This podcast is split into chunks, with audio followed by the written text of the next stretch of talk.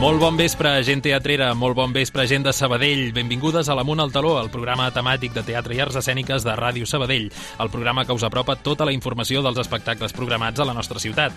Des de l'Amunt al Taló, però també mm, aprofitem per parlar-vos de teatre musical, us fem recomanacions de la cartellera dels cinemes, comentem propostes teatrals barcelonines i tot plegat ho fem gràcies a la feina d'un equip magnífic format per Laura Lozano a la producció, Carlota Gorgori, Bernat Pareja, Júlia Stals, Elvira Frank, Edu Gil, Jaume Pont, Adrià Garcia, Pol Juera, Carles Blanco, Eli Xavi Quero, la veu del programa en Francesc Asens, els nostres tècnics Antoni González i en Jan Casamitjana, i qui us parla avui en Marcel Castillejo. Va acabant el mes de novembre i la programació teatral sabadellenca està en aquests moments sota mínims. A banda de les propostes per tots els públics del Festival al Petit, albirem ben poques propostes escèniques a la cartellera local. La major part dels grups, entitats i companyies s'estan preparant ja per un Nadal que serà intensíssim i farcit d'espectacles. Els Pastorets, com sempre, el Teatre Sant Vicenç i el Teatre Municipal La Faràndula. Per altra banda, aquestes dues entitats, i segur que també l'Ús Teatre o el grup Tatx a la Bàscula presentaran comèdies o espectacles de temàtica nadalenca. De moment, però, poca oferta sabadellenca i per les fanàtiques del teatre no hi ha més remei que fer força visites a la capital aquests dies. Com que la setmana passada van entregar-se els segons Premis de Teatre Musical.cat, avui ens amplia aquesta informació el nostre apuntador, en Pol Juera. Amunt al taló.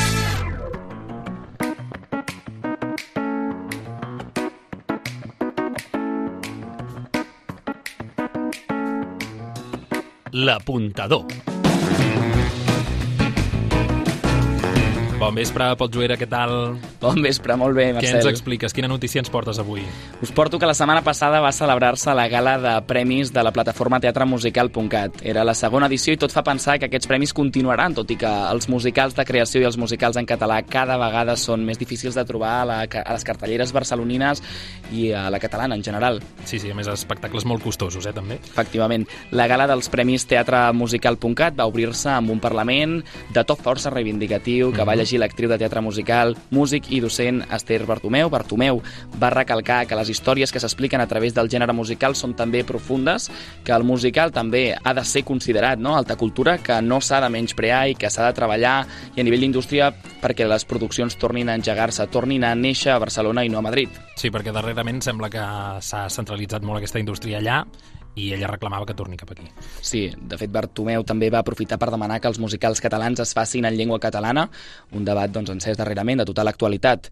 Les condicions laborals i la precarietat dels treballadors i treballadores del món del teatre musical va ser una altra de les reivindicacions de l'acte. Uh -huh.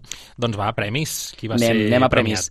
El primer premi entregat va ser d'una nova categoria, el millor esdeveniment vinculat al teatre musical. Els guanyadors van ser els impulsors del nostàlgic concert Sondheim per Sondheim, entre ells el director i actor Mario Gas. També va ser premiat l'espectacle La gata perduda, impulsat pel Gran Teatre del Liceu, amb la col·laboració de col·lectius i entitats del barri del Raval de Barcelona, amb música d'Arnau Tordera Exacte, un musical que a més es va també com retransmetre el procés um, per TV3 i molt interessant amb la música d'Arnau Tordera. L'actriu Roser Batalla va posar de manifest la feina sovint invisibilitzada dels adaptadors i adaptadores que fan possible que els espectacles de teatre musical ens puguin arribar als espectadors en la nostra llengua. Unes lletres ben adaptades són essencials no?, per entendre les històries i els personatges. Uh -huh. El premi a la millor adaptació, per tant, va ser per Marc Gómez, encarregat de passar al català l'espectacle Golfos de Roma. En Marc Gómez, que hi han adaptat molts més, eh, de musicals, amb, amb el Daniel Anglès i amb altres directors. Marc Rosic va ser premiat pel millor llibret per l'espectacle L'alegria que passa, un text que parteix de l'obra amb el mateix nom de Santiago Rossinyol i que s'ha amanit amb música d'Andreu Gallent, coreografies d'Ariana Peia.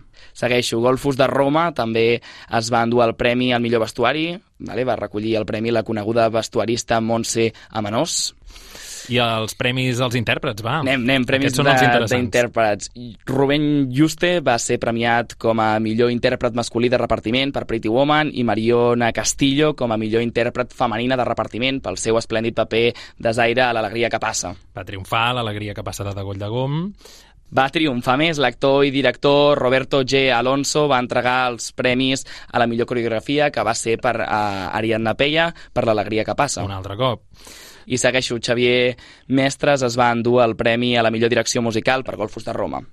Molt bé, i quedaven ja cap al final de la gala, no?, els premis més esperats. Totalment. El premi a la millor direcció escènica també va ser per Rosic, per l'alegria que passa. Ja veieu doncs, que el darrer Mhm. espectacle de creació de la companyia de Goll de Gom va arrasar en moltes categories. De fet, de fet, també es va emportar el premi a millor espectacle de gran format. I ens queden els dos intèrprets protagonistes, no?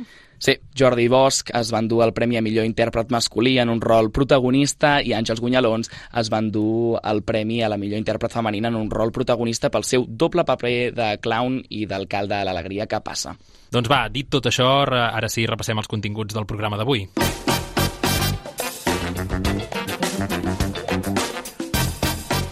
Farem una repassada avui a la cartellera teatral sabadellenca amb la Júlia Stals, com sempre, a la platea indiscreta. Comentarem com han anat els Premis Butaca 2023 que s'han donat aquesta mateixa setmana amb l'Elvira Frank, la Carlota Gorgori i en Bernat Pareja. Tornarem a sortir al carrer i és que el nostre equip de reporters de Quin Drama, en Pol Joera, la Júlia Stals i en Carles Blanco, altre cop eh, tornaran a xerrar amb els sabadellencs i les sabadellenques per esbrinar què en saben del teatre local i de les obres que darrerament s'estan programant a la ciutat. Amb els germans Quero, amb l'Eli i el Xavi Quero, farem un nou duel de musicals i parlarem de musicals sobre música, en motiu del Dia Mundial de la Música a Santa Cecília. I amb l'Elvira Frank, per tancar el programa, us parlarem de dues obres força mainstream avui i força divertides també. Una, la Villarroel, Love, Love, Love, de la Brutal, amb David Selves, Laia Marull i direcció de Julio Manrique i també de Party, de l'autora Sally Potter, amb un repartiment de luxe amb l'Àngels Gunyalons, en Lluís Soler, Biel Duran o la Montse Guallar, al Teatre Poliorama. I ara sí, comencem. Els dimecres al vespre, amunt al taló. A Ràdio Sabadell. La platea indiscreta. Obriu les agendes perquè és moment d'espiar quines són les propostes teatrals sabadellenques per aquest proper cap de setmana, repartides per les diferents sales de la ciutat. És moment de fer un cop d'ull a la cartellera local amb la Júlia Stals. Bon vespre, Júlia.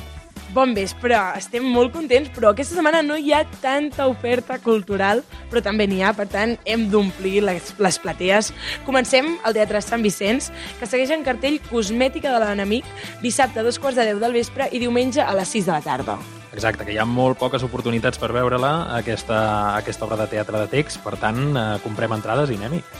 La companyia Tres Homes Grossos representaran Ho sé tot divendres a dos quarts de nou del vespre i diumenge a dos quarts de set de la tarda. Dues oportunitats. Molt bé, quines altres propostes tenim? A l'Estruc interpretaran l'Odere Cicle Drets, un cicle de drets, aquest dissabte a les 8 del vespre. Interessant. Exacte, aquest espectacle, per cert, crec que eh, impulsat per la Fundació Arrels, oi? Eh, per tant, eh, tindrà tot un rerefons eh, social interessant, segur. I tant, haurem de reflexionar. A l'Espai Agora presenten de Cadec dissabte a les 7 de la tarda. Seguim al teatre principal que mostraran El silenci de Melín aquest divendres a dos quarts de set de la tarda i també Vela Banda Sul Palco diumenge a les 12 del migdia. Encara més propostes, Júlia? Sí, per últim, a la faràndula oferiran Dona Fra Doña Francisquita, un nom complicat, dissabte a les 8 del vespre i diumenge a les 6 de la tarda. Va, val, per tant, propostes per totes les edats, per tots els gustos i alguna cosa més, Júlia? Només un últim recordatori que, com sempre, recordem que es pot trobar gran part de l'oferta cultural de la ciutat a l'aplicació Sincronitzats, que també està disponible a iOS i Android i a la web de Sabell Cultura. Molt bé, Júlia, doncs ens retrobem la propera setmana també aquí al programa per seguir repassant aquesta cartellera sabadellenca. Que vagi bé. I tant, bona setmana.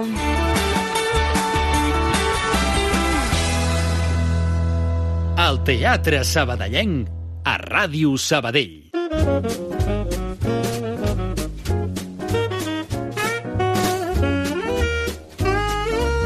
Avui no fem entrevista a l'Amunt al perquè volem dedicar aquesta part del programa, aquesta primera part, a saber com han anat els Premis Butaca 2023, que s'han entregat aquest mateix dilluns, dia 20 de novembre.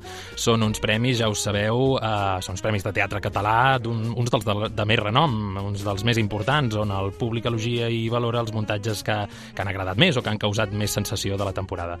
Per repassar quines han estat les obres guardonades, conversarem avui, o ens acompanyen avui a l'estudi, l'Elvira Frank, la Carlota Gorgori, en Bernat Pareja. Benvinguts, què tal, com esteu? Hola, bon vespre.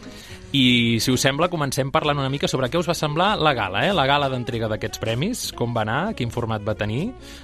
Elvira, Sí, què et va a mi semblar? m'agrada molt.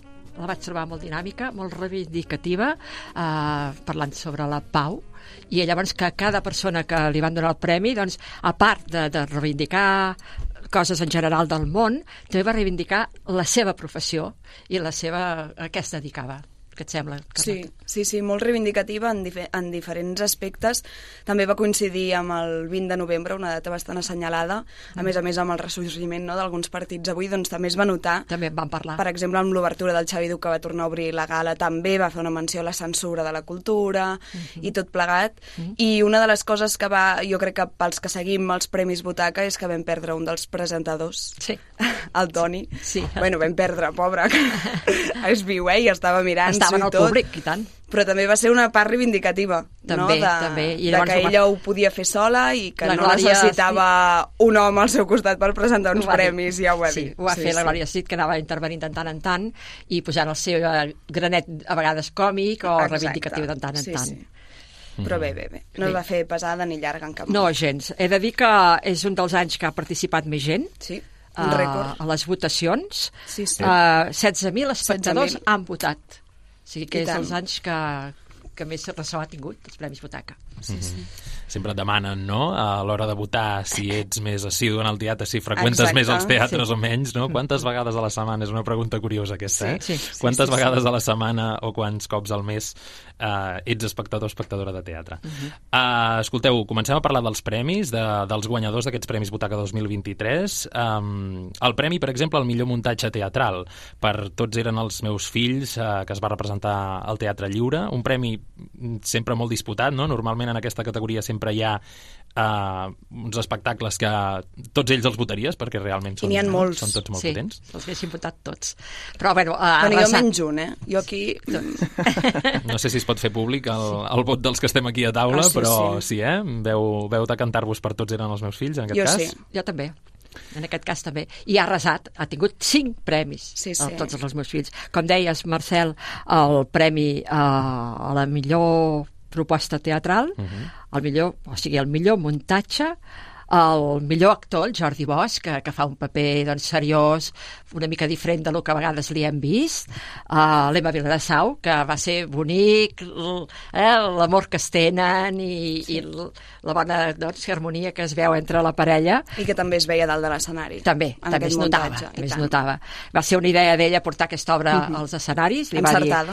En el, exacte, en el David Selves li va dir que la fessin i, i ella també feia un paper, doncs, una mica el que li hem vist, però potser més seriosa, no? No tan ploranera aquesta vegada. Doncs també li han donat el premi a la millor actriu, Eh, després també el, com el millor actor de repartiment, el Quim Àvila, una, un actor jove, però que jo sempre que l'he vist sempre l'encerta Sempre. amb les I seves actuacions. Sí, I sí. a la millor escenografia, aquella gespa verda, immensa, amb, els pop, amb el públic a les quatre bandes, i, tant. i un arbre molt significatiu, I un forat. i aquell forat, una escenografia d'Alejandro Andújar. Sí, sí cinc, cinc premis s'han portat. Sí, Estava nominada a 11, Sí. és a dir, que 5 són una bona, una bona ràtio de nominacions i premis aconseguits, sí.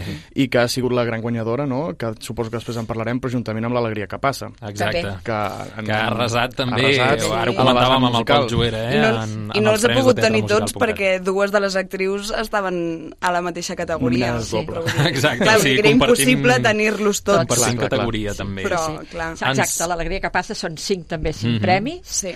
Uh, també jo considero molt merescuts, hi ha diferents opinions, no? hi ha gent que no els hi agrada tant aquest musical, a mi em va agradar molt per lo trencador que és, que no és un musical de lluentons i, i música banal, sinó que amb un argument que pot agradar o no, però li han tret tot el suc, amb una música que fa més de 100 anys que es va uh, composar i que ha rebut també el premi al millor arranjament musical. Mm, o sigui que eh, ho ha, ha agafat aquella música de 100 anys enrere, l'ha actualitzada i, i, i de manera de que ens arribava molt el tipus de Realment, música. l'obra l'obra de Rossinyol és més un punt de partida, no? Però aquí hi ha Exacte, una exacte. feina coreogràfica del Marc Sí. Rossic, evidentment, i de, bé, de tot l'equip també d'intèrprets no? i de direcció que han, gairebé han fet un espectacle diferent, no? Però I això em feia menció l'Eloi en el discurs, no? que va ser un discurs per mi dels millors Sí. a, a l'hora de parlar, el, perquè va rebre el Premi Actor Musical en relació a l'alegria que passa, però també amb Golfos de Roma, i va fer una mica de reivindicació del musical català. I va mencionar no? el Marc, l'Andreu, l'Ariadna, persones que realment mar... jo crec que han començat a marcar i marcaran i el que ha de ser el teatre musical català de molt bona qualitat i es nota amb tota la feinada que hi havia darrere l'alegria que passa. A més a més, l'alegria que passa és l'obra que representa que s'acomiada de Vall d'Algom. Exacte. Després de 50 anys d'estar en els escenaris, sí que farà Maricel, però aquesta és l'última producció que ha De fet. creació, I, sí. I penso que, que es mereixien aquest premi, a, a part de que és una bona proposta. Jo s'ha de dir que, com a musical, eh, a mi els musicals no sóc massa de, de musicals, no m'agraden massa, i el que és l'argument i tal no, no, em va, no em va acabar de convèncer. Però sí que és veritat que a nivell de producció, tot el que és eh, la música, tot el que és les actuacions, les vaig trobar fantàstiques. És a dir, que premis merescudíssims, que trobo que també això s'ha hagut valorar, suposo, perquè sí que és veritat que és dels musicals que últimament més veus dissonants he escoltat, no? de, sobretot el tema de la trama, però que pel Mm. que es veu doncs, s'ha sapigut diferenciar entre que et pugui agradar més o menys i realment la qualitat que té al darrere, que és Ah. molta. Jo comparteixo, eh? Jo vaig Sí. sortir i vaig pensar, mira, a mi la història en cap moment he pensat, ai, ni m'ha tocat ni res. Però en canvi les veus, la, el moviment, l'escena, la llum, tot, tot, pensaves tot. que el conjunt és perfecte. O sigui, tal És com l'heu muntat, Sí. és espectacular. La història. La cadascú- història era una obra curta de Santiago Rossinyol, una Sí, obra de sí. 20 minuts. Sí. I llavors ells ja han posat la música. Exacte. I com deies, el- l'Eloi Gómez va guanyar com has dit tu, el Premi al millor actor musical i l'Àngels Gunyalons, també merescudíssim. Li han donat a la millor actriu de musicals després de 42 anys dedicant-se a musicals i que està estupenda. Està fantàstic. Sí, Sí, sí. sí. Fa Tornant- 42 anys que està als escenaris, eh? Tornant una mica, tots eren els meus fills. Ens quedem amb, amb el Jordi Bosch a registre del Teatre Lliure o amb el Jordi Bosch que podem veure a Golfos de Roma, per exemple, que ara ho comentàvem amb, a l'apuntador, eh? No, Um, Teatre lliure. Teatre lliure, evidentment. I tant. Que, Mhm, perquè ha estat premiat per les dues coses, eh? per això ho dic tant. A, te a A teatremusical.cat Teatre el van premiar per l'altre espectacle. Com a teatre musical penso que no té la veu apropiada per cantar. Per mi, Sí que és veritat que té aquesta part còmica, el Jordi, Més que. Sí. i que la sap treure, i el moviment que feia Golfos de Roma a nivell corporal es veia molt la trajectòria més clau, no més còmica que ha tingut el Jordi, però jo penso que, que el, com a treball actoral, el que va fer a tots eren fills meus, per mi era bestial, o sigui, era veure un monstre escènic dalt de l'escenari en tots moments, i jo per mi gaudeixo molt més d'aquest Jordi que no, que no de I, l'altre. I gens sobreactuat. El veies, No, no. el veies tan natural que I te'l creies, aquell personatge. Sí, sí, sí. I encara una altra pregunta més. Ens quedem amb el David Selves, intèrpret, com l'hem pogut veure ara mateix a Love, Love, Love, no? a la Villarroel, o ens quedem amb el David Selves, director? Director. Per mi, director. Jo director, però director de tots eren fills meus. D'acord. Altres direccions també, coses també que- li diria alguna coseta, però d'aquest sí, d'aquest em quedo amb el Aquest David sí. d'aquí. Va, seguim Sí, una mica tant. més. Seguim eh, amb el- millor, amb amb, el millor, mu- espera, l'alegria que amb el millor muntatge de petit format, eh, si et sembla, Elvira, que és Dirty, Dirty Boys, Boys. Sí, Dirty Boys. que també I el tant. volies mencionar, oi que sí? Sí, la volia mencionar perquè jo vaig veure l'estrena en el Teatre Acadèmia i a mi em va impactar molt. Justament, em sembla que en vam parlar amb el top 10, que era de les obres, de les 10 que a mi em van agradar més l'any passat. Una obra de petit format que és, eh, considero que és molt bo de que mm, el públic no té tantes oportunitats de, de votar. Per exemple, les obres de gran format, hi ha molt públic que les vota. Aquestes, si les han vistes, jo que sé, mil persones, i que, la, que hagi sortit com a millor obra de petit format, per mi ha sigut perfecte. Un, un argument ja et dic, molt colpidor, d'una història sobre mm, el cas d'un assassinat d'un nen de dos anys a mans de nens de 10 anys i que representa que quan surten de la presó, que han complert la seva doncs, eh, condemna, es tornen a trobar i, i llavors hi ha un joc de, de moviments i, i, i de preciós i el text també. Que en general això també és marca del Teatre Acadèmia, eh? no sé si estareu d'acord, que, Sí. no? que les propostes tant a nivell de contingut i, i dramatúrgicament com també de muntatge i de posada en escena, um, no? Eh, Sí, i una tant, proposta de l'Àgata Casanovas i de la companyia Les Bèsties, però que sí, que els ha acollit el Teatre Acadèmia, que és el que dius, Marcel, Teatre Acadèmia sempre fan coses de qualitat, sempre. I que se n'han dut quatre al final, és a Sí, dir, que sí. uh, just darrere De sis. De, de, de sis, és a dir, i, Sí. i que estaven uh, nominats uh, uh, els, dos, els, dos, els dos actors, Els dos actors uh, com a millor com actor a millor revelació. revelació i un dels dos se l'endú. Se I el que Sí, sí, se'l va Martí. portar, el Martí Cordero, li va dedicar també Sí. sí. en el seu company, perquè també se'l mereixia, perquè eh, el Ser- Sergi Espina és, és una actuació de tots dos. Clar, és molt coral. Que si un falla, l'altre no pot tirar endavant. I va, també es va ser maco el Parlament de, Sí. del Cordero perquè ho va reconèixer el millor text, el millor actor revelació, el Martí Cordero, i el millor espectacle de petit format, I, I millor disseny disseny de de llums. disseny, de Que llums, jo- que també és molt important. En aquell teatre petit, si heu estat mai, uh, sempre les llums Sí. tenen molta importància en tot el que presenten. Sí.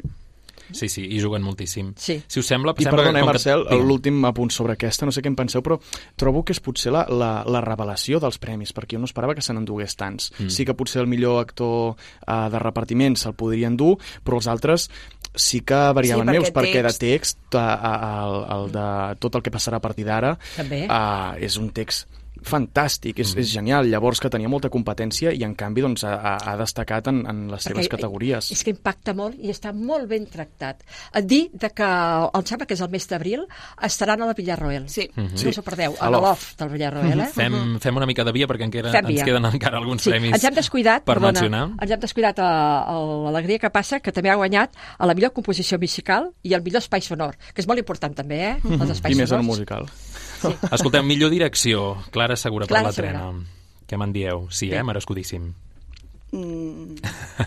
és molt bona direcció i, i, i a mi em va agradar molt la direcció, vull dir, l'espectacle i tot, eh? Però jo hagués votat... Bueno, jo vaig votar una altra direcció. Mhm. Jo també.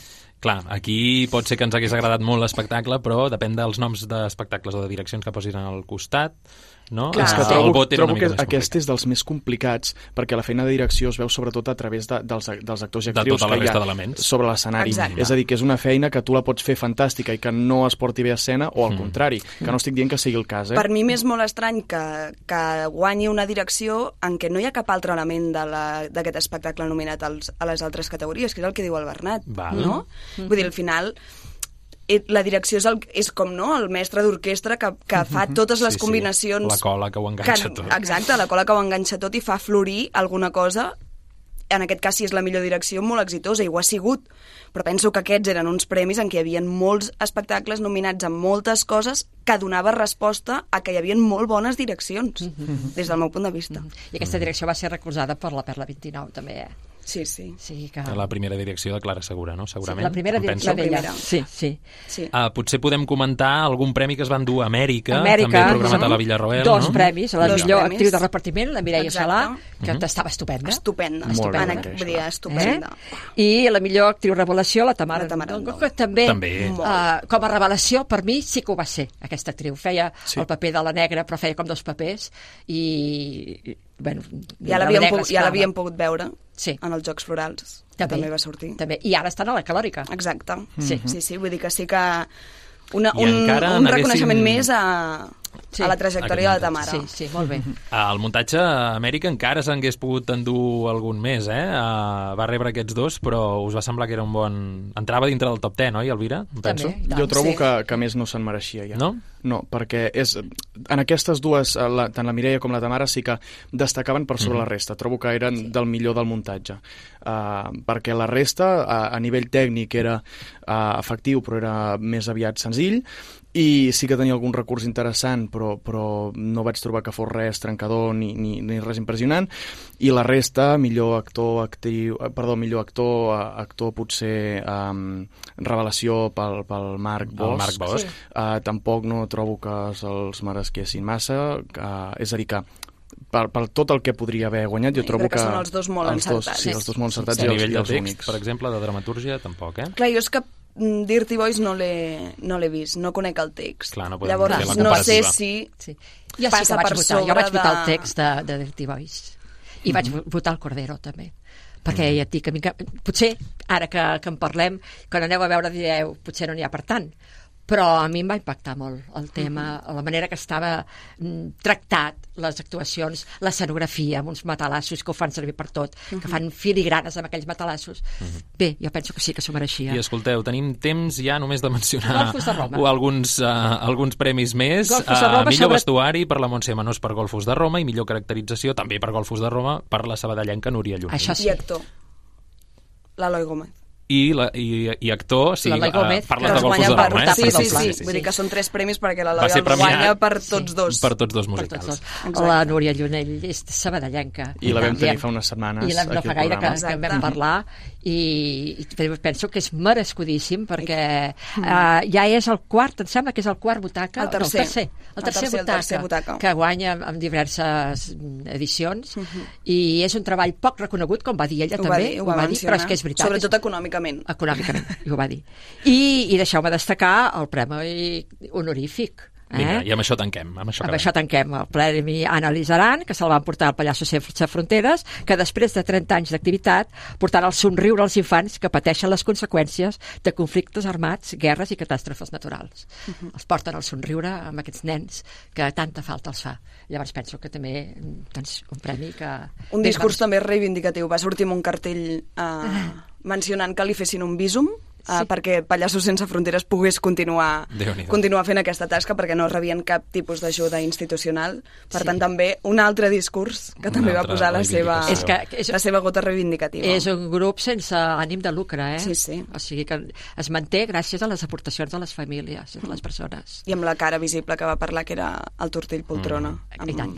La seva Doncs, energia sempre característica. Escolteu, estarem pendents, estarem atents i atentes a les obres que s'estan representant Exacte. actualment no, d'aquesta temporada per seguir comentant tant els Premis Butaca com qualsevol altre premi que es vagi donant en relació del món teatral i els anirem comentant aquí a taula, si us sembla. I tant. Uh, que vagi bé, molt bona setmana a tots Gràcies, tres. Gràcies per adéu-siau. la Elvira.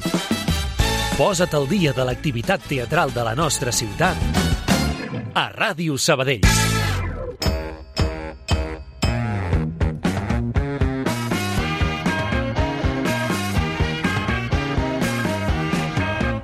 Quin drama! Bon vespre, avui a la secció del Quin Drama ens trobem al vell mig de la ciutat de Sabadell, rodejats de sabadellencs i sabadellenques, que volem trobar apassionats del teatre.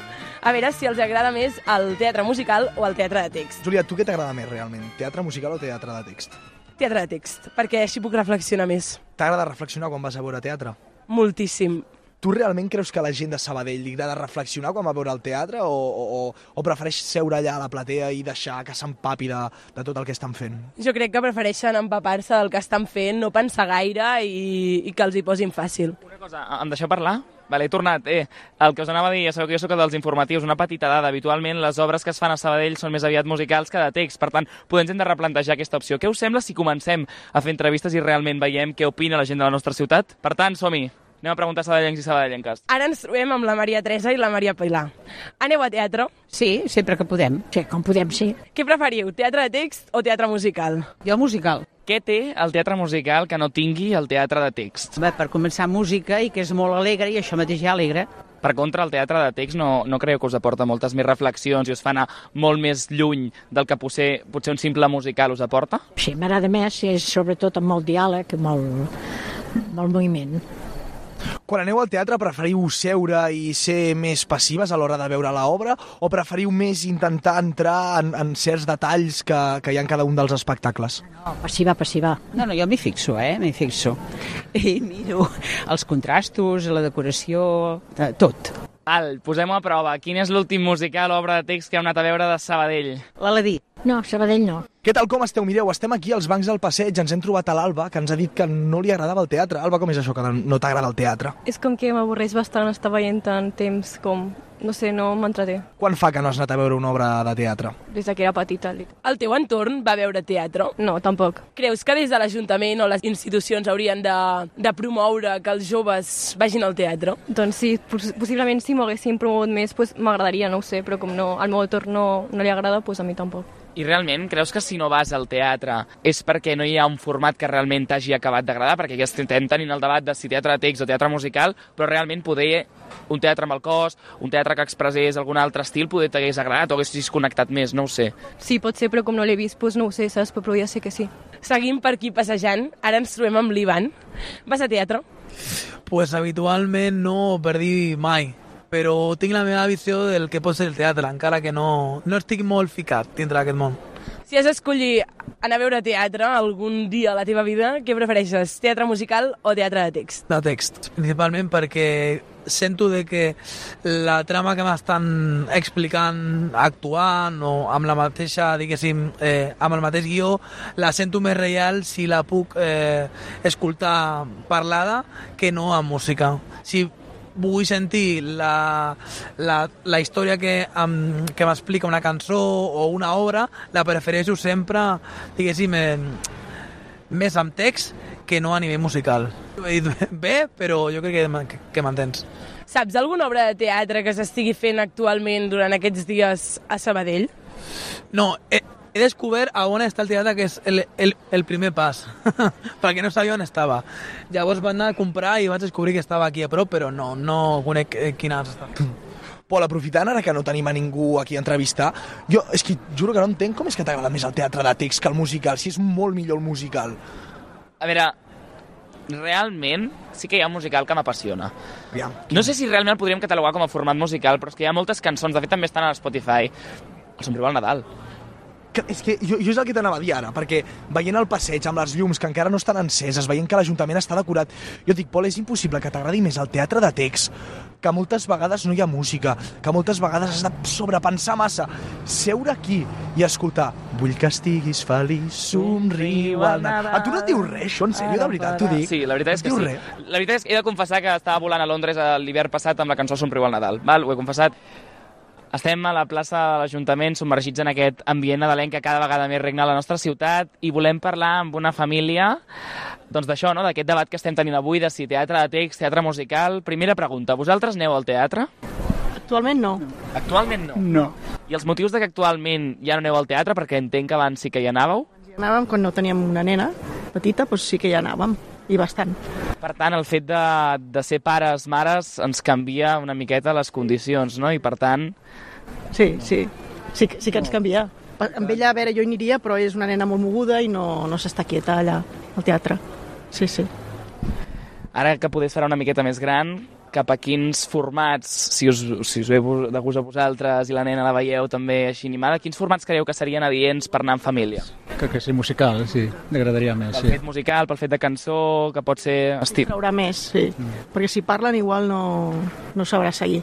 Us falta informació per part de les xarxes i institucions del teatre? Sí, bueno, si, la, si ho diguéssim per la tele sí que m'enteraria, però clar, m'entero de les del, de d'altres que es fan per Barcelona, però aquí a Sabadell no, no m'entero gaire. Creieu que és important que els infants vagin al teatre? Sí, però ella és molt petitona. Jo sí que quan era petita sí que em portaven al col·le al teatre i em va va agradar molt, m'agradava molt anar al teatre. Però jo crec que ella no, encara no sap, no, no ho sap valorar. Ara ens trobem amb un grup de joves aquí al vell mig de Sabadell. Aneu al teatre? No gaire sovint. Moltíssim, cada, cada setmana, de fet. Què preferiu, teatre de text o teatre musical? Teatre musical. Teatre de text. A mi m'entretén més i la història a vegades no es fa tan pesada. El de text. Vosaltres que sou monitors i monitores de lleure d'un esplai, creieu que apostar per anar amb els nanos, infants i joves al teatre és una bona aposta pedagògica pel seu creixement? I tant, 100%. Crec que els fa créixer molt personalment amb els coneixements que ens aporta el teatre. Jo crec que sí, però crec que és molt difícil perquè és molt car anar al teatre i és també al món del llibre és molt difícil um, pues, obtenir tots aquests diners per a poder-ho aconseguir i sí que seria una molt bona opció, però ens veiem moltes dificultats a l'hora de poder-hi anar. Però sí, estaria guai. Per tant, aprofitant això, avui que estem de reclamacions, almenys jo, també reclamem que hi hagin descomptes, que hi hagin oportunitats per a totes aquestes entitats que treballen amb joves, que al cap i a la fi és el futur. Per tant, res més. Molt bé, moltes opinions. Els posem a prova. Sí. Sabeu d'alguna obra de teatre que s'estigui fent a dia d'avui a Sabadell? Sí, Aladín. Aladí no s'està fent actualment a Sabadell, ja s'ha fet. Els, els pastorets? Els pastorets, a la faràndula i al Sant Vicenç. Correcte, molt bé, però encara no s'estan fent, s'està en procés d'assajos i s'estrenaran al desembre, abans de començar el Nadal. Estupendo, tenim una promo feta que no volíem fer, genial. Em permetreu l'acudit dolent, però el quin drama. Una setmana més ha sigut més que un drama. Fins aquí el quin drama d'avui. Ens seguirem escoltant i bon vespre. Amunt al taló, a Ràdio Sabadell.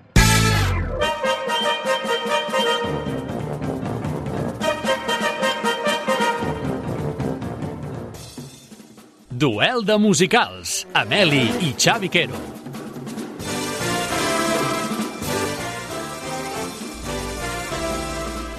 Amb els germans Quero, amb l'Eli i el Xavi Quero, avui engeguem un nou duel de musicals. Els dos germans batallaran avui tot contraposant diferents temes d'espectacles de teatre musical, el tema que ens toca, la música. El dia de la música serà... ha estat, vaja, aquest dimarts, dia 21 de novembre, Santa Cecília.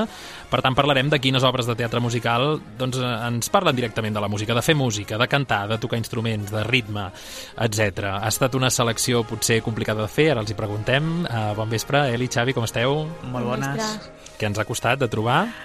És que, clar... Perquè sembla una obvietat, no? És que els una teatre... és una obvietat, no?, el tema d'avui. Amb el qual, a partir de les temàtiques i de les trames de les històries, o no sempre, la picaresca, hem intentat trobar eh, uns fil conductor perquè puguem parlar de la música que inspira a la música, mm. que Mm. són els musicals, però que no és la música del musical, sinó que és la música que creen. Complicado, ¿verdad? Sí, a la música costat. dins la música dins l'espectacle dins l'espectacle. Va, a veure, si, Exacte. a veure si, ho podem, si ho podem fer entendre. Va. Va, comencem aquest duel. Vinga. De fet, comencem primerament amb la música que inspira, el que és tret disparador per fer música en aquest musical. I en aquest cas deixo, i cedeixo l'honor a la Eli, que comenci amb tot això. Bé, doncs jo començo amb El fantasma de l'òpera. Mm -hmm. No, aquesta novel·la de Gaston Leroux que va ser adaptada a l'any 1986 per Andrew Joy Weber. Una història prou coneguda per gairebé tothom. Una història on coneixem a la Christine i el fantasma, no? un virtuós, desfigurat compositor que viu als soterranis de l'Òpera de París i que s'enamora de la Christine, la prima dona. Un romanç gairebé sobrenatural o les composicions del fantasma són majestuoses, però gràcies a la Christine són encara més grans com és aquest The Music of the Night, no? escoltarem ara el gran Michael Crawford l'any 1986. Doncs vinga, escoltem-ho.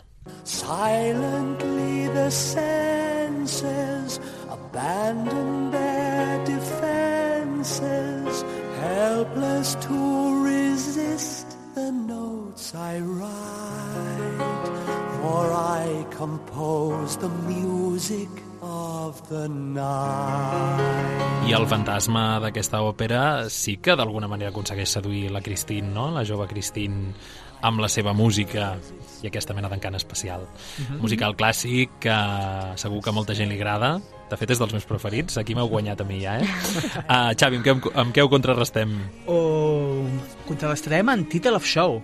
Val. Title of Show, és a dir, títol de l'espectacle. Així es diu aquest musical de l'any 2006, Uh -huh. en el que un parell de, de, de cafres, que no tenen cap Sí. altra paraula, intenten muntar un espectacle per Fasador, i no és de Bruces, en aquest cas. Són Jeff i en Hunter, que tant són compositor... Són entrepreneurs, són, sí, són entrepreneurs, creadors. Sí. Intenten fer un musical uh -huh. i Mhm. que decideixen convidar les seves amigues i fer un brainstorming. Però, clar, comencen a dir animalades, animalades de de què podríem fer un musical? I acaba sortint un musical, bueno, una cançó que es diu Monkeys and Playbills, és a dir, monos i programes de mà. Per tant, ens hem d'imaginar un musical sobre com crear un musical o Sí. sobre com no crear un musical, Com no potser? crear un musical, concretament. doncs vinga, a veure com sona. Use what's inside of you. I There's the golden apple and golden rainbow, golden boy and Goldilocks. Writing should feel easy, like a monkey driving a speedboat. Beg, borrow or steal, buck white, big deal, and bring back que crear un musical no és tan senzill, no? No, sí menys, ja menys. Doncs va, Eli, amb què fem front a Title of Show? Eh, aviam, jo començaria, no?, eh, com podríem dir, la cançó que ho canvia tot. Uh -huh. No? Deu anys després del Fantasma de l'Òpera, va arribar a Broadway l'adaptació de la Bohème de Giacomo Puccini, on en aquest cas el SIDA presideix aquella Nova York dels anys 90, no? En aquest cas seria el musical de Rent. Aquí trobem a un d'aquests malalts bohemis no, de, de SIDA, en Roger, que ja fa anys que va deixar de tocar la guitarra, però que abans que la malaltia no la parti del món, vol deixar alguna cosa, una, una cançó, no? En aquest cas parlem de One Song Glory, i amb el sempre gran Adam Pascal. One song, glory, one song before I go, glory, one song to leave behind. Find. One song, one last refrain, glory. From the pretty boy front man who wasted opportunity. One song, he had the world at his feet, glory in the eyes of a young girl, a young girl. Find glory beyond the cheap colored lights. One song before the sun sets, glory on another empty life. Time flies. Ara, a més a més, es va animant, eh? Cada vegada més, eh? Uh, Xavi, com ho lluitem, això? Perquè l'Eli va forta, eh? Va molt forta i abans que res, perquè l'Eli és molt discreta en aquest aspecte, l'Eli, en un bon atac de fandom, té una foto amb Adam Pascal d'aquest estiu que van a veure Rent, que el dirigia ell, Sí, sí. allà a... Dirigia ell, eh? Exacte, la primera obra que dirigia. Em vaig... Bueno, va ser 3 hores en tren des de Manhattan fins a un poblet perdut del món. O sigui, I em vaig poder veure aquesta obra i fer-me la foto amb ell. Molt bé, Sí. això has de ser ben friki Sí, sí. fan, eh? De, de Rent i del món dels musicals. Però va valdre la pena. Vale, com contrarrestem, es- contrarrestem això? Vinga. Doncs mira, amb un altre musical eh, famoset, Merrily We Roll Along, mm. que de Mm. fet ara mateix s'està fent a Broadway, i és que escoltarem la versió que s'està fent ara mateix a Broadway, és a dir, escoltarem a Daniel Radcliffe, escoltarem a Jonathan Groove, escoltarem a Lindsay Mendes, en aquest musical de Sondheim, Mm. que ens explica la història d'una forma una mica curiosa en el seu moment quan es va estrenar, Sí. perquè va des del final de la història d'aquests amics fins al començament, amb el qual comencem des de lo més agre fins a lo més solucionant. I potser per això és encara molt més cruel, perquè la última cançó, que és la més bonica de totes, és la primera que canten en la seva vida, però l'última que canten a l'espectacle. D'aquest musical podem dir diverses coses, però eh, gira al voltant de la figura de Franklin Shepard, que és un compositor de musicals i que al llarg de la història esdevé famós, massa famós i acaba esdevenint productor de Hollywood. Però la seva primera gran cançó, el seu gran primer hit, és el que escoltem al començament d'aquest primer act, d'aquest segon acte, que és la cançó It's a Hit. Doncs va, a veure com sona aquest Sondheim. That's the sound of a hit. Hit, gang. I think this is it. No more writing clever little Doncs, shows for ah, those el torn de- basement de l'Eli. saloons. No more proclamations. Doncs en aquest cas, no, la música és important, però ho és encara més l'intèrpret, no? En aquest cas, l'intèrpret que posa veu a aquesta música. I eh, en el meu cas, jo m'he centrat en el musical de Funny Girl, no? Eh, la biografia musical de la Fanny Bryce, gran estrella de Broadway als anys 20 del segle passat, que va fer que realitzés justament aquest mateix musical.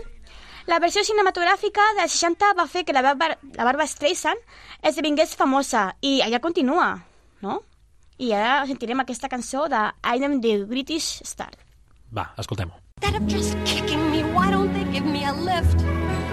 Well, it must be a plot, because they're scared that I got such a gift.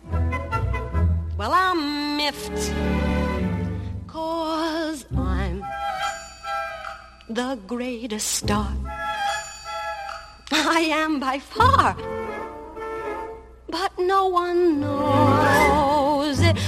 They're gonna hear a voice, a silver flute. Doncs va, Xavi, seguim aquest duel musical sobre música, eh? encara que Sí. sembli una obvietat. És una, és una obvietat, Vinga. però bé. Clar, eh, la música, com dèiem, és important, però també és important aquí, aquella persona Mhm. que la representa. I en aquest cas parlarem d'un musical on la música és important perquè no deixa de ser una reunió de velles estrelles del Music Hall.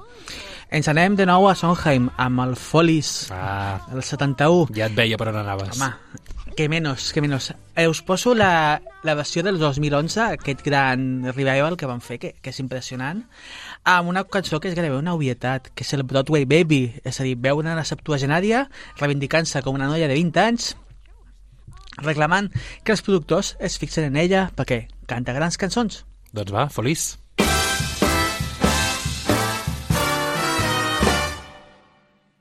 I'm just a Broadway baby, walking off my tired feet, pounding 42nd Street to be in a show. Oh, Broadway baby, learning how to sing and dance waiting for that one big chance to be in a show. Uh, Feliç, que té molts altres temacles, eh, aquest musical, uh, de velles, això que deies tu, eh, Xavi, de velles estrelles del teatre musical que es volen reivindicar i que volen tornar a brillar als escenaris. Um, Eli, ho hem, de, ho hem de lluitar, això. Com? Doncs jo, no, en el meu cas, he triat un gran espectacle no, per a la música. També hi ha musicals, no?, que són aquests grans espectacles. I en aquest cas eh, he triat la cançó de Super Trooper de Mamma Mia. No? El famós jukebox d'Ava de la Sophie que vol esbrinar qui és el seu pare, no? justament abans de casar-se. Després d'això no, que suposa per la seva mare veure'ls eh, ells dos allà no, aplegats, fuig. Però no pot defugir de les seves responsabilitats com a mare i és quan reuneix a les seves amigues de quan era famosa i tenia un grup. I el més important era la música, per donar-li un copet de soltera com ha de ser a la Sophie. I és aquí on comença aquesta cançó. Uh, L'Eli ha tret la carta de Mamma Mia, eh? Em sembla, Xavi, que ho té guanyat, això. Escoltem-ho. És possible.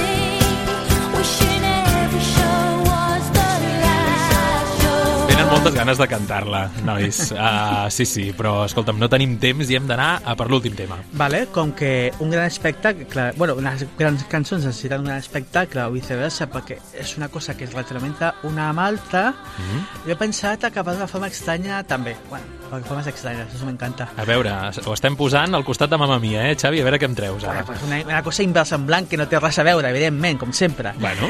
Eh, en aquest cas, també me'n vaig anar al Music Hall, a la música de Ma Manuel de la Prada. Me'n vaig al Cómeme el Coco Negro.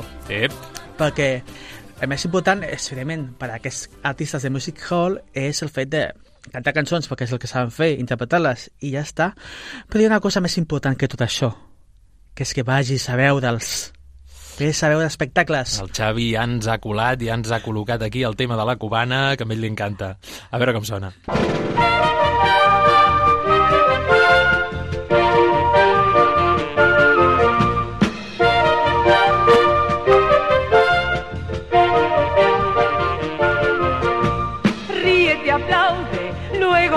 rica. Pero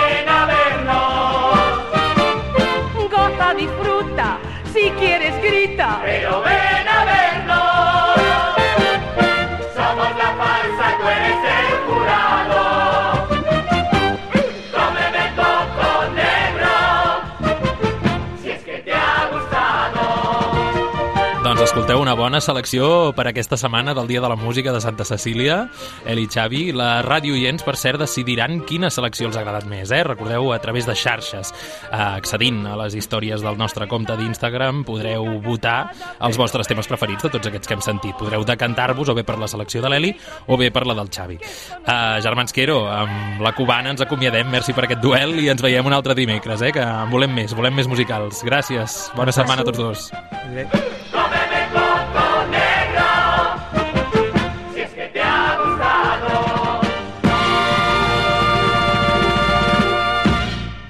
Posa't al dia de l'activitat teatral de la nostra ciutat a Ràdio Sabadell.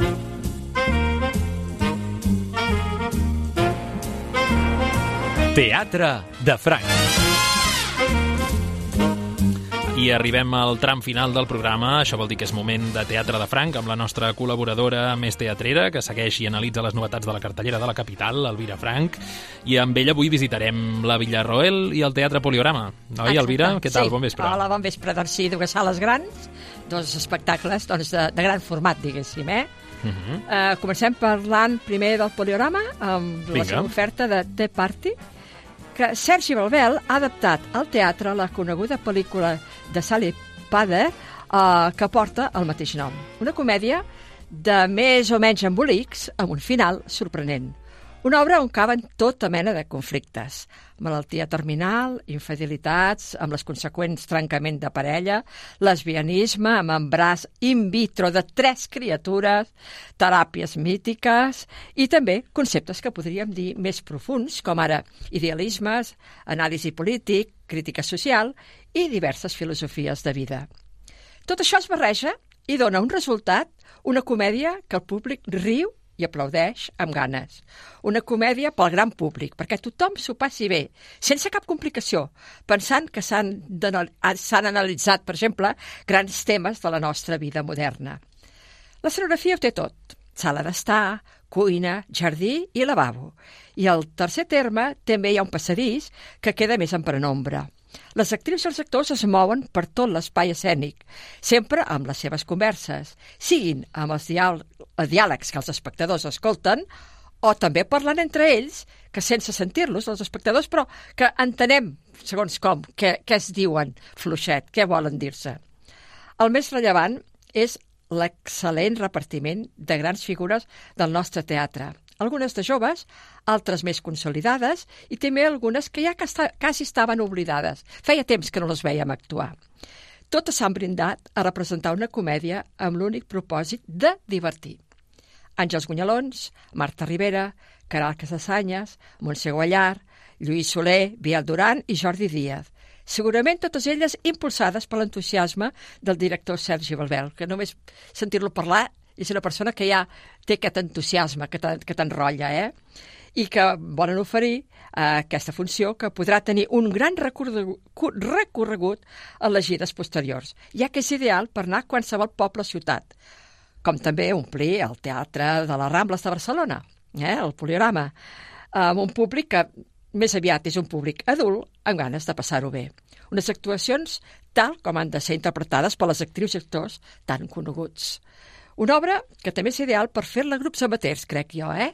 Mhm. Per les característiques dels personatges que són força agraïts d'interpretar. Tots són molt característics i... Mhm. És una obra molt coral. Exacte, coral i a més a més cada paper, cada que personatge té aquell toc que, que costa poc, poc d'interpretar-lo, diguéssim, eh?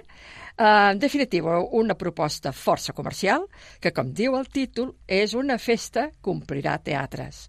Una oferta que es podrà veure fins al 3 de desembre. Mhm. I amb aquest espectacle podem obrir el debat, no?, una mica de de si tots els espectacles ens han de fer reflexionar molt i ens han de deixar eh, molt trastocats o, o si també hi pot haver espectacles eh, no? Main, més, no cal. més mainstream i, Sí. i potser per anar a passar l'estona i mm, riure, no? Tot també? és cultura, tot és cultura, i, i anar a riure una estona i, i divertir-se sense profunditzar massa, doncs també és necessari, eh, en la I nostra veure vida. les, les vides alienes, no? que en aquest cas es presenten doncs, aquests personatges que, Sí, que anem seguint durant aquest sopar, no? però Exacte. sense pretendre tampoc molta Res cosa més. Sí. Doncs va, següent proposta, Anem Elvira. per l'altra. Love, Love, Love, una comèdia molt ben feta, diria jo, al Teatre Villarroel, dirigida per Julio Manrique i interpretada per una estupenda, estupenda Laia Marull. També l'acompanya la Clara, Ram Clara de Ramon, que ofereix un esplèndid monòleg al final de la funció. El talentós Salvi David Selves, uh Mhm. -huh. eh, que a vegades dirigeix, aquesta vegada eh, Actua. actua, i Marc Bosch, que representa diversos papers amb molt d'encert.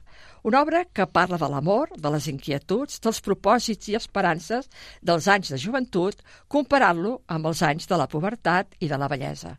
Al mateix temps parla del desamor, les frustracions, la transformació de la societat. Diu que els joves d'avui dia no tenen poder adquisitiu, ni il·lusions, ni ganes de lluitar per fer el món millor. Tots els desitjos que els joves dels anys 60 tenien s'han convertit ara en un món de desesperança asfixiant i artificial. Tres actes en tres temps diferents cada un. Comença la funció ambientada als anys 60, quan assomiava amb un món lliure i feliç on imperava l'amor. Al segon acte han passat 30 anys. Ens trobem a la dècada dels 90, que els pares tenen molta feina per pujar els fills, per pagar hipoteca, i que l'amor es des desestructura.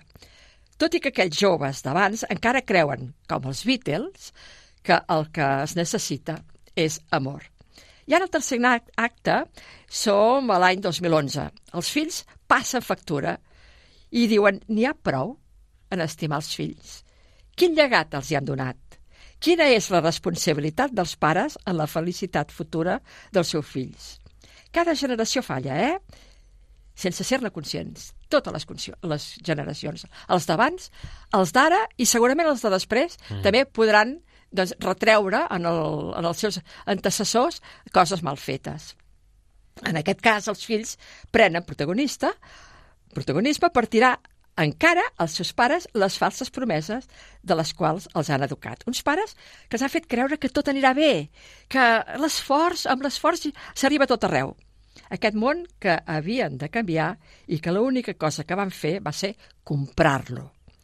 Cap de les generacions queda lliure, com he dit abans, ni de retrets, ni de qualse... i qualsevol espectador podrà veure's reflectit amb els uns, amb els pares o amb els altres, els Mhm. fills. I tant. Els actors es van envellint a cada acte. Envelliment físic, però també saben representar fent-se grans amb expressions i moviments corporals. Brillantíssima, Laia Marull, amb l'acompanyament de tots els altres. Una fotografia generacional que amb la sonografia ja s'intueix l'època en què es representa. A més, unes filmacions entre acte i acte que destaquen els esdeveniments i personatges més importants de cada període, fins a arribar a l'època actual que literalment cau de cop la fina pantalla que igualment han caigut els ideals que en aquells temps dels anys joves. La història d'una família accidental que podia ser temporal, amb tres èpoques ben definides de joventut, maduresa, jubilació, al llarg de les quals les il·lusions de la joventut es van convertint en desenganys, decepcions i una amarga, però dissimulada sensació de fracàs. Vull destacar la fantàstica caracterització que serà cuidar la sabadellenca Núria Llonell. Mm -hmm. Un repte molt important per la Núria, que ha fet una caracterització molt mesurada i treballada. I que era, era, complicat, era complicat aquest repte, eh? i tant, tres generacions molt marcades Mhm. i, i la veritat que, que ho aconsegueix molt. Un equip de la que la Brutal n'ha fet una interessant i reflexiva proposta de teatre. També es podrà veure fins al 3 de novembre. Un espectacle, Elvira, que suposo que estaràs d'acord amb mi, que parla molt de la hipocresia, no? Molt. Um, I d'aquests uh, valors, d'aquests ideals que, que tenen els pares en aquesta primera etapa que ens explicaves, no? Mhm. uh, quan comença l'espectacle en l'època hippie, que després uh, ells no en són conscients, o potser sí que en són conscients, però deixen anar, deixen totes unes conseqüències, no? Causen tota una sèrie d'estralls, aquests falsos uh, ideals i aquestes il·lusions uh, Unes il·lusions que tenien de joventut, de joventut que no les han deixen sabut totes, deixen portar. totes unes conseqüències Sí. després en el futur. Sí, no les han I- sabut portar a terme i i, molt- han criat els fills una mica així, perquè surt Mhm. la filla de sense que tot ho fa bé. i sense saber-los Exacte, eh, exacte. I el ensenyar fill- com és el món de veritat. Exacte. No? El fill és una persona que tal li fa tot. -huh. eh? perquè potser tampoc l'han sapigut mm, doncs, encaminar. Però és el que deia, cada generació té els seus, el, els seus fallos, diguéssim. Eh? Segur que aquests joves, quan siguin grans i, i, i també tinguin fills, els fills també els qüestionaran l'educació. O sigui, és generacional, això. Mm -hmm. Al final, eh, però, tots els personatges no pateixen el sistema i pateixen el món on viuen. Ells es pensen que el canviaran, però en realitat l'acaben, abans ho comentaves, no? l'acaben sostenint o l'acaben mantenint, acaben mantenint aquest sistema, Sí. l'acaben reforçant fins i tot. Sí, sí, sí. sí. Per tant, sí, sí, aquesta potser sí que hi ha una mica més de reflexió al darrere i és molt interessant, eh? Love, Eh bé, love, és love. una obra que si no vols reflexionar no cal. Saps què vull dir? Te la pots mirar, Te la pots mirar des d'una només com altra una comèdia, capa, eh? eh? Només com una comèdia. I si vols profunditzar, doncs hi trobes molt sentit. Mhm. He dit el 3 de novembre, perdona, eh? És el 3 de desembre. Que s'acaba, Que exacte, s'acaba, si eh? no... Eh, ara Aneu-hi, adonat. aneu-hi, aneu-la a veure si Sí, teniu que l'oportunitat. Doncs gràcies, Elvira, per aquests comentaris d'avui. Al A proper vosaltres. programa seguim comentant espectacles que podem veure per Barcelona. Això mateix, vinga, adéu-siau. Gràcies.